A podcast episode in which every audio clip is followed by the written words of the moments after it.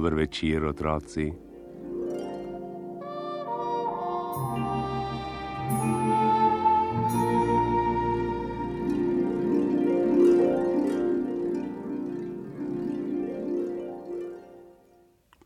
Dan je bil, a je že skoraj minil. Večer je, tudi noč bo prišla. Kakšen je bil dan, kako je bilo, kaj se je zgodilo, kaj, kako, zakaj. Kdo bi vedel, zakaj se ljudi vsak dan tako sprašujemo? Ne vem, tudi ne vem, zakaj naj bi vam nocoj povedal staro pravljico. Povem jo, pa bo. V Turčiji je vladal sultan, ki je bil sicer pošten mož, tudi rad je verjel drugim. Na dvoru je živel starček Hatim. Bil je zelo pameten in veliko krat je svetoval sultanu, kadar ta ni vedel, kaj storiti. Toda drugi služabniki so bili zavistni in so hoteli Hatima očrniti pred sultanom. O njem so govorili slabe stvari in ga obtoževali slabih dejanj. Sultan jim je na zadnje verjel in hotel Hatima zapreti v ječo. Toda Hatim je zaslutil, kaj ga čaka, pravočasno všel z dvora ter se skril nekje v hribih. Sultan bo kmalo spoznal, da so me služabniki očrnili in sam me bo poklical nazaj, si je rekel. Toda sultan se je silno razjezil, ko je zvedel, da je Hatim ušel. Hočem ga živega, je upil.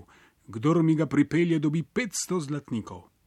Mnogi so bili pohlepni po denarju in so iskali Hatima po hribih in gorah, po gozdovih in ob vodah. Tudi niso ga našli. V gozdu, daleč od dvora, je v majhni koči živel mlad mož. Delal je, imel kolibo, ženo in otroke, in tudi lačen ni bil. Bil je srečen, le njegova žena ni bila srečna. Želim si lepih oblek, je vzdihovala, želim si draguljev in rada bi, da bi najni otroci imeli vsak svojega konja. Mož jo je smehljaje poslušal in ni nikoli ničesar rekel. Nekoč sta šla po drva na bližnji grič in ko sta prišla do vrha, sta bila skoraj brez sape. Sedla sta pred neko votlino, da bi se odpočila. Žena je spet začela. Zakaj moramo biti tako revni? Ah, oh, kako rada bi imela veliko polje in veliko hišo in lepe obleke in lesketajoče se dragulje. Ali veš, da je sultan razpisal nagrado za ujetega Hatima? Pomisli, če bi ga midva ujela, bi dobila 500 zlatnikov. Potem bi bila res srečna. Nikar ne govori tako, se je ustrašil mož. Hatim je vendar dober človek, kako le moreš pomisliti, da bi ga odpeljala k sultanu. Sultan bi ga vrgel v ječo in nikoli več ne bi videl sonca in gozda in slišal ptičjega petja. Mislim, da si hudobna. Ne, ni hudobna, se je oglasilo za njima. Prestrašeno sta se obrnila. Pri vhodu v votlino je stal star mož. Bil je Hatim, ki se je skrival v tej votlini že nekaj mesecev. Tvoja žena ni hudobna, je prijazno rekel, le nesrečna je. In če jo lahko srečim, zakaj je ne bi? Pelite me k sultanu in dal vam bo tistih 500 zlatnikov. Lahko si bosta kupila večje polje in pridelala bosta toliko, da boš ženi lahko kupil lepih oblek in draguljev. Otroci pa bodo jahali vsak svojega konja. Mladi mož se je globoko priklonil pred Hatimom. Kaj takega mi še na misel ne pride, modri Hatim. Le kako bi mogel izdati tako dobrega moža, kot si ti?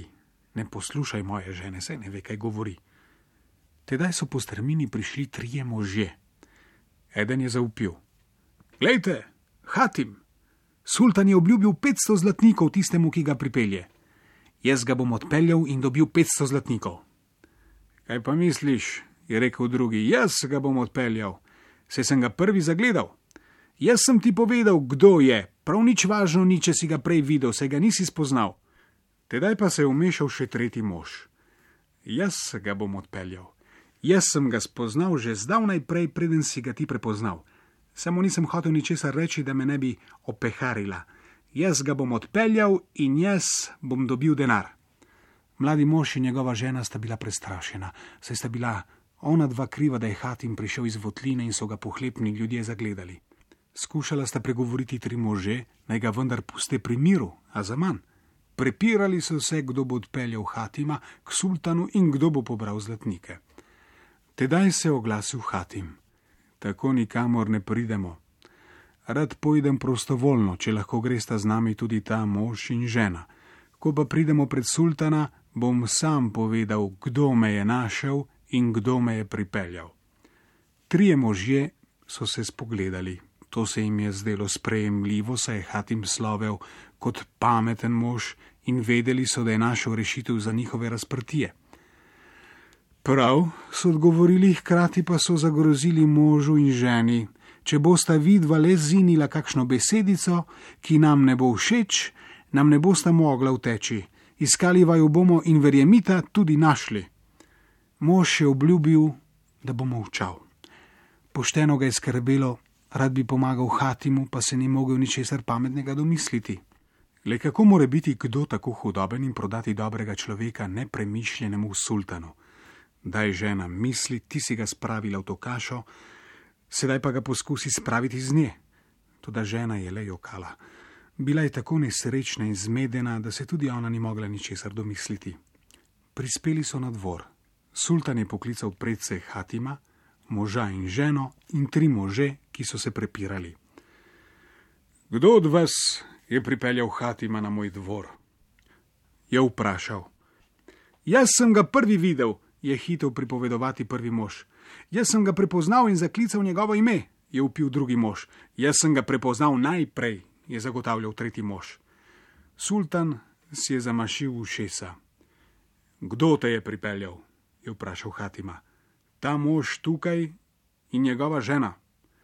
Daj ima 500 zlatnikov. Tedaj pa se je oglasil mož. O sultan, ni res, kar ti pripoveduje Hatim, nisva ga našla, on je našel naju. Moja neumna žena je pleteničila, kako zelo srečna bi bila, če bi imela 500 zlatnikov, lahko bi imela večjo kočo in lepe obleke. Hatim jo je slišal in prišel k nama.